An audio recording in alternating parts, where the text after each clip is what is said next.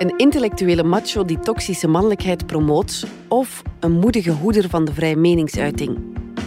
De Canadese psychologieprof en zelfhulpgoeroe Jordan B. Peterson schreef met 12 regels voor het leven een wereldwijde bestseller die gehaat werd door links en geprezen werd door conservatief rechts.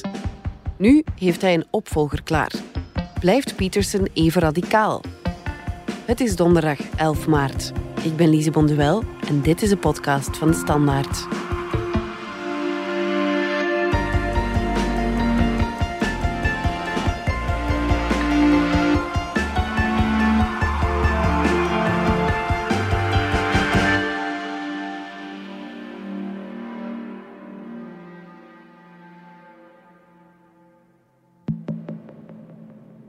Chaos is vrouwelijk, orde is mannelijk. Dat vindt hij. Een transgender vrouw is volgens hem geen vrouw. Het huwelijk vindt hij geen onderdrukkend patriarchaal instituut. En westerse vrouwen zijn volgens hem niet per se gelukkiger geworden door de emancipatie van de vrouw. Het zijn maar enkele controversiële stellingen van de Canadese psycholoog Jordan Peterson. Peter van Tichem, senior writer bij De Standaard. Jij interviewde Jordan Peterson een paar jaar geleden en je verdiept je in zijn boeken. Hoe is Jordan Peterson zo snel zo populair kunnen worden? Um, het is een uh, verhaal met een lange aanloop. In die zin dat hij eigenlijk in 2003 ontdekt heeft dat je met visuele media veel meer mensen bereikt. Tot dan was hij iemand met een vrij opmerkelijke academische carrière. Heeft bijvoorbeeld zes jaar aan Harvard gedoseerd. En hij had daar ook heel veel succes blijkbaar met zijn uh, lessen. En dan is natuurlijk een periode gekomen later, in 2016 vooral, dat hij drie video's gemaakt heeft. I made these videos and uh, well then, you know, they got a lot of attention, to say the least. Om te reageren op een uh, discussie in de Canadese wetgeving, mm -hmm. Bill 16. I think that we're crossing a dangerous line. And the line is the requirement that's being put upon people by government agencies with the full force of the law behind them to decide what language categories you're going to use. De Bill 16-affaire, dat was eigenlijk een uh, discussie. En dat ging er eigenlijk over dat hij zich verzette tegen het feit dat je kon verplicht worden om voornaamwoorden te gebruiken om andere genders aan te duiden. Oké. Z bijvoorbeeld, ZHE. There's a difference between saying that there's something you can't say and saying that there are things that you have to say. And I regard these made up pronouns, all of them, as the neologisms of radical PC authoritarians. I am not going to be a mouthpiece for language that I detest. Dan heb je in uh, eind 2017 MeToo. Ja. En begin 2018 komt zijn tweede boek uit. 12 regels voor het leven. Dat heel erg gericht is op meer orde in de samenleving. En dat boek staat vol stellingen. Een visie ook op de mens en dus ook op man en vrouw en zo. Die je, zeker vanuit de bril van MeToo, waar je aanstoot kan aannemen. En dat gebeurt dus ook. Hij wordt een beetje de zondebok van het moment van dienst. Hij speelt die rol eigenlijk ook heel goed, omdat hij er heel, uh, in veel debatten tegenin gaat. En dan is er een bekend debat in, uh, op Channel 4 met Cathy Newman, ja. waar hij heel strak en scherp haar van repliek dient. Maar dan hangt het er natuurlijk vanaf met welke bril je kijkt. Um, maar volgens zijn voorstanders maakt hij haar daar af. Ja. Why should your right to freedom of speech trump a trans person's right not to be offended? Because in order to be able to think, you have to risk being offensive. I mean, look at the conversation we're having right now. You know, like you're certainly willing to risk offending me in the pursuit of truth. Why should you have the right to do that? It's been rather uncomfortable. So and that you, is what you should do. But you're exercising you, your freedom of speech to certainly risk offending me. And that's fine. I think more power to you as far as I'm concerned. I'm just trying I'm just trying to work that out. I mean Ha, gotcha. You have got me. You have got me. I'm trying to work that through in my head. Yeah, yeah. It took a while. It took a while. It did, it did, yeah. It took a while. En dat heeft dat boek doen verkopen. En uiteindelijk, drie jaar later, zijn daar 6 miljoen exemplaren van over de toonbank gegaan, wat bijzonder veel is voor zo'n boek. Ja. Omdat het uiteindelijk toch wel een boek met een intellectuele inslag is. Ja, en die twaalf regels voor het leven, eh, wat zijn die dan precies? Dat is de titel van zijn boek, uh, waardoor hij aan het boek een soort zelfhulpkarakter geeft. Maar het boek is eigenlijk niet echt een zelfhulpboek, omdat Peterson een nogal breed belezen man is, die, die heel verschillende domeinen in de academische wereld bestudeerd heeft. Hij heeft in politiek gestudeerd, hij is heel erg thuis in de geschiedenis. Hij weet natuurlijk heel veel van psychologie, dat is zijn uh, terrein. Hij weet veel van uh, theologie, veel van literatuur, die hij ook bestudeerd heeft. En hij gooit die eigenlijk allemaal samen. Die formuleert hij dan in twaalf levensregels. Rule 1 is stand up straight with your shoulders back. And rule 2 is treat yourself like you're someone responsible for helping.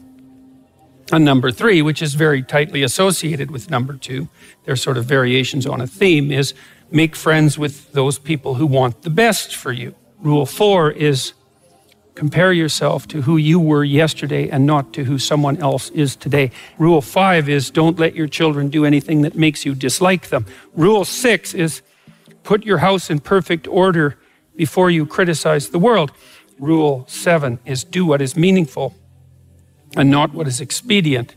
Rule eight is, as I said, tell the truth or don't, or at least don't lie. Rule nine, assume that the person that you're listening to knows something you don't.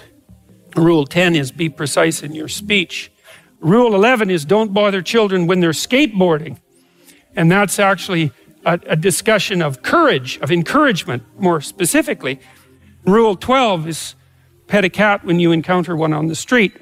Appreciate everything you can that manifests itself, that allows itself to be appreciated. And so that's the metaphor of the cat, I suppose. Ik denk, sommige regels zal jij nu ook zeggen, ja, waarom niet? Ja. Dus die regels zijn breed herkenbaar, lijken heel praktisch, zijn ook vrij eigentijds en zitten geworteld in een diepere visie op mens en maatschappij bij hem, die conservatief en traditioneel is. We zijn zo terug na de reclame. Bitcoin, het verhaal van een digitale gold rush. U heeft zeker ook al over de bitcoin horen spreken. Zowat iedereen heeft de mond vol over de enorme waardestijging van deze cryptomunt. In die mate zelfs dat meer dan 5 miljoen Europeanen in 2021 graag in cryptomunten willen beleggen. Wil u meer weten over deze digitale gold rush? Kijk dan op bit4u.io, het eerste Belgische platform voor al wie actief is rond cryptomunten.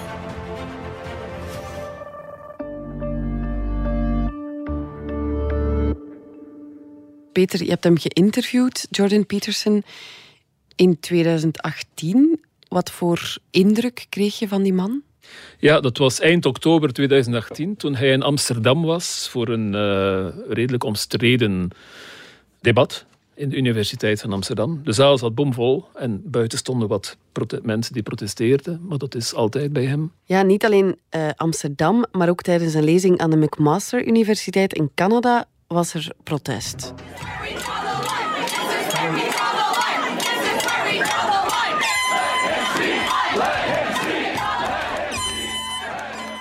De indruk van de man, hij is, zoals op de foto's je kan zien, um, altijd smetteloos gekleed in pak. Met uh, hele scherpe, lage schoenen. En uh, ik denk dat hij dat heel bewust doet. En hij komt ook zo over. Heel scherp, accuraat, zeer aandachtig en zeer precies in zijn antwoorden. En hij schuwt eigenlijk ook niet de mm, scheldwoorden als hij vindt dat hij die moet uiten. Ja. Ik bedoel, die mensen die in Amsterdam tegen hem waren, noemde hij een stelletje poseurs en uh, een bende lafaards, omdat ze zijn verschijning kwamen verstoren, waar zo geweldig veel belangstelling voor was. En dat hij zei, ze zijn niet eens in staat om hun eigen evenement zelf op poten te zetten en hun mening daar te verkondigen, omdat ze toch geen volk zouden hebben. Mm Emotioneel ook. Ik herinner mij dat ik hem uh, vertelde over een jongen die ik kende, zoon van vrienden, die het heel lastig had, die echt een beetje de weg uh, kwijt was. En toen zei Peterson, ik wil eigenlijk maar één ding. Dat is, ik wil gewoon een goede mens zijn. Toen begon hij bijna te huilen, om het zo te zeggen. Hij zei, dat is wat ik de hele tijd hoor. Ik krijg de hele tijd jonge mannen overal die mij dat komen zeggen. We willen eigenlijk gewoon goed zijn en we weten niet hoe. Want we, we, zien niet waar het pad ligt. Ja.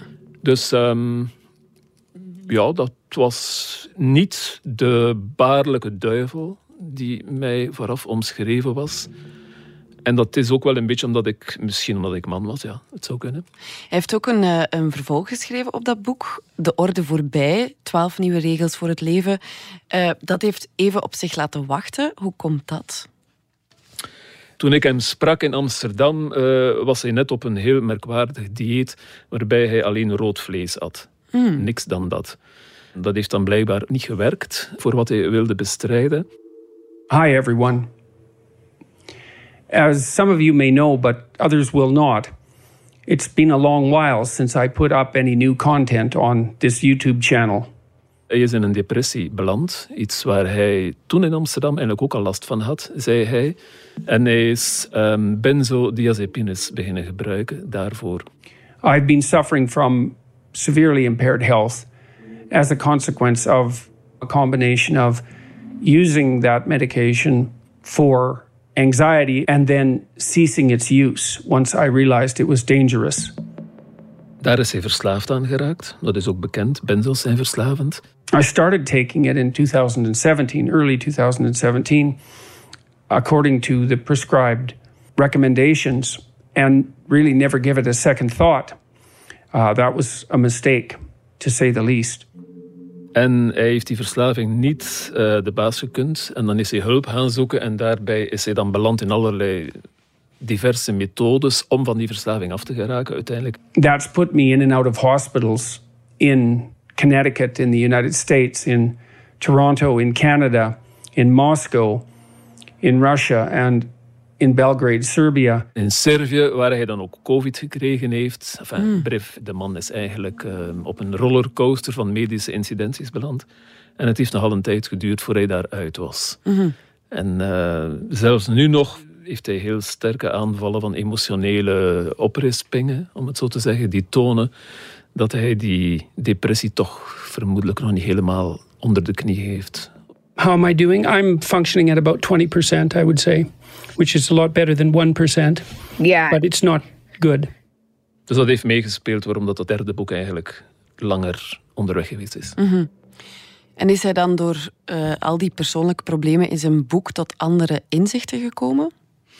Wel, um, dat eerste boek, zou je kunnen zeggen, was een boek over het feit dat je in een samenleving die chaotisch is door een aantal middelpuntvliedende krachten, je zou kunnen zeggen zoals uh, identiteitspolitiek en uh, dingen die hem niet bevallen, politieke evoluties, maatschappelijke evoluties. Ja. Het tweede boek is net het omgekeerde. Het vertrekt wel vanuit dezelfde fundamenten, dat conservatisme en zo, maar het zegt eigenlijk ja, als er te veel orde is, dan liggen de dingen te veel vast en is er eigenlijk ook wat chaos nodig. We moeten dus met andere woorden alert zijn dat we snel genoeg ontsnappen uit die orde. Dat we dingen doen waardoor we die orde uh, eigenlijk doorbreken en dus noods eigenlijk op losse schroeven zetten. Bijvoorbeeld het hoofdstuk 8 in dat nieuwe boek is eigenlijk een heel warm pleidooi voor de kunstenaar, voor de noodzaak aan kunstenaars in de samenleving. Hij raadt iedereen aan van een heel goed kunstwerk te kopen en dat in je huis te hangen. Want dat kunstwerk zal je zekerheden, je, de dingen die vastleggen, constant op losse schroeven stellen. Zal je dwingen van na te denken over bepaalde dingen. Dus dat is iets helemaal anders wat hij dan zegt. Mm -hmm.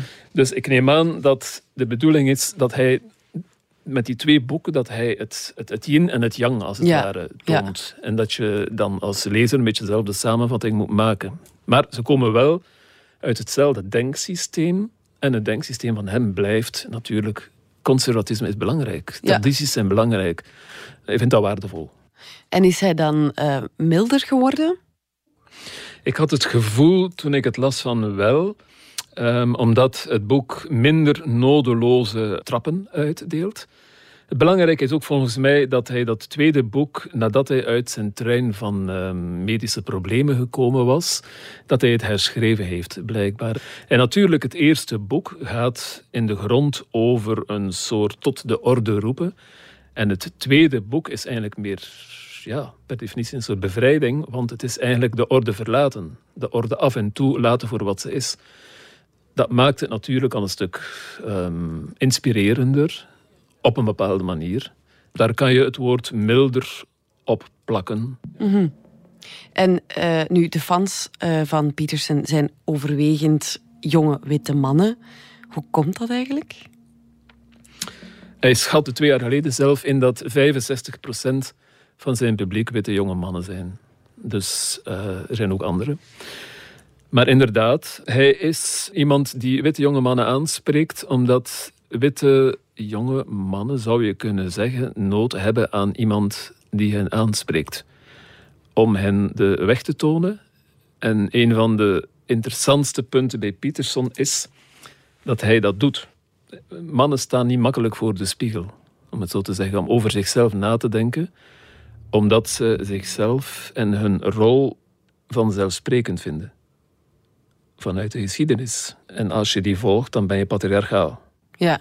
Vrouwen denken al veel langer na over hun plaats, over hun gender. Dat heeft tot een aantal golven geleid in het uh, feminisme. Maar dat heb je niet bij mannen. En de maatschappij is daardoor is ondertussen ook een beetje veranderd.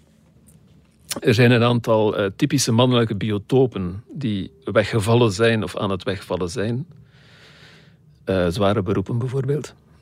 Er zijn een aantal gebruiken en rolpatronen die onder druk zijn komen te staan.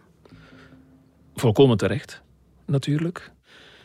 Dat alles zorgt ervoor dat voor mannen de weg die ze moeten bewandelen of de plaats die ze moeten innemen niet zo duidelijk is. Mm -hmm. En zeker uh, geen kwestie is van ze te veroveren. Terwijl dat voor vrouwen wel zo is. Want die hebben hun eigen plaats zijn die al decennia lang aan het bestuderen. Daar zijn heel veel actiegroepen voor. Drie keer per jaar krijgen wij een vrouwendag, bijvoorbeeld.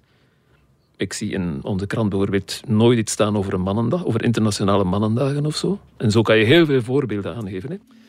Bijvoorbeeld, er is een vrouwenraad, dat weet u, in Vlaanderen. Maar wist u ook dat er een mannenraad was? Nee, want die is nog nooit naar buiten gekomen. Hmm, okay. Dus dat is een lang antwoord om te zeggen dat er een soort nood is aan iemand die de weg toont. En Peterson heeft dat bewust gedaan. En ja. het lot van uh, jonge mannen gaat hem zeer ten harte. En Peterson wil uh, de man ook in eer herstellen, uh, zegt hij. Moet die eer dan hersteld worden? Ik zou zeggen dat hij de traditionele man in eer herstelt, wellicht. Um, maar misschien is zelfs dat al veel gezegd. Hij is conservatief, hij vindt tradities belangrijk. Dus, en hij vindt dat uh, mannen door bepaalde identiteitsbewegingen nu slecht behandeld worden. Mm. Um, dat er grote veranderingen gebeuren, waardoor die mannen de weg kwijt geraken, ontsporen. Um, en dat is dan heel jammer natuurlijk. Dat zal hij zeker niet voor zijn. Hij heeft zo'n een, een, een ridderlijk trekje. Hij gebruikt graag woorden als dat je moedig moet zijn en dat je nobel moet zijn, maar dat spreekt mannen natuurlijk wel aan. Ja. En hoe staat hij tegenover alt-right, dat toch wel heel erg met hem dweept? Ja, um, hij heeft dat duidelijk afgewezen, hè. alt-right. Ook al is dat, zou je kunnen zeggen dat dat een goede achterban is voor hem. Maar uh, ik, voor zover ik me herinner, heeft hij in het begin even geaarzeld daarover. Zeker toen zij uh, Cathy Newman van mm -hmm. Channel 4 aangevallen hebben. Maar hij heeft toch wel vrij snel gezegd, en hij zegt to back off. Dus ik denk dat hij daar duidelijk standpunten in genomen Ja. heeft. En- Maar die alt-right is er natuurlijk wel. Hè. Die, die dwepen met zijn boeken in belangrijke mate. Halen daar ideeën uit, maar dat Ja. gebeurt een beetje altijd. Dat ehm ideeën goed kan gerecupereerd worden.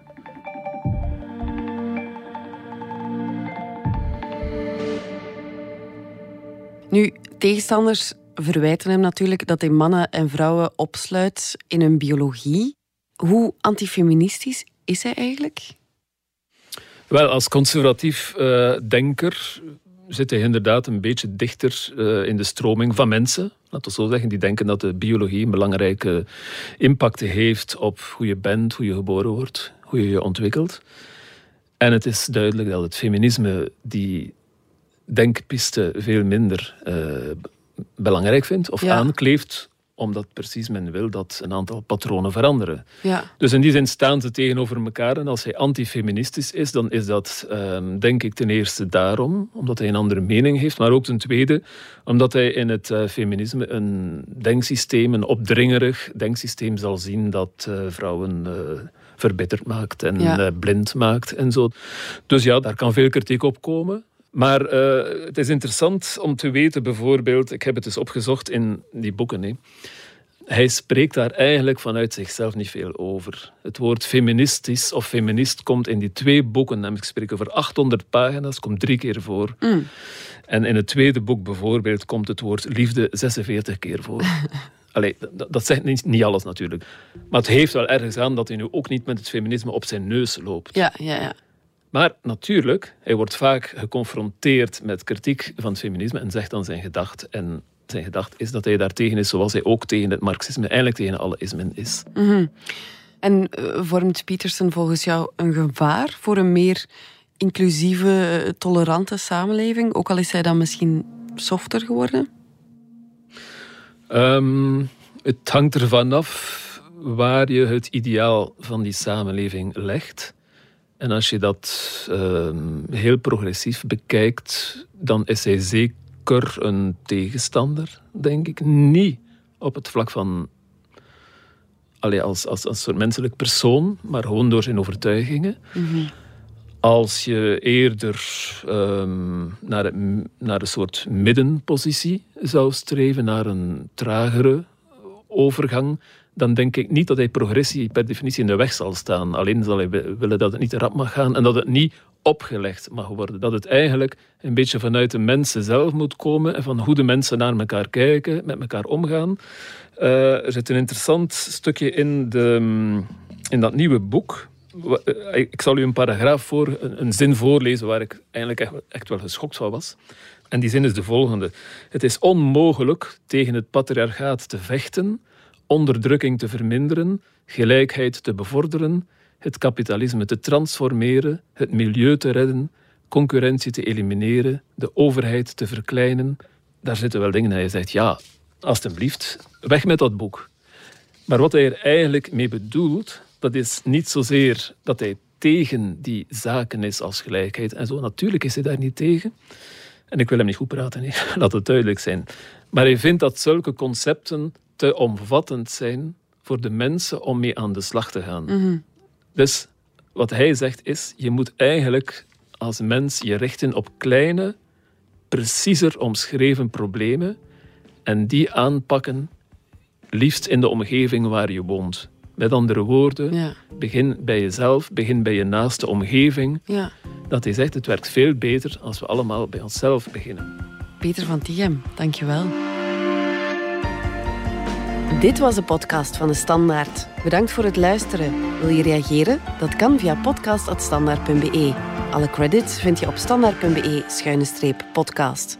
Maandag zijn we opnieuw.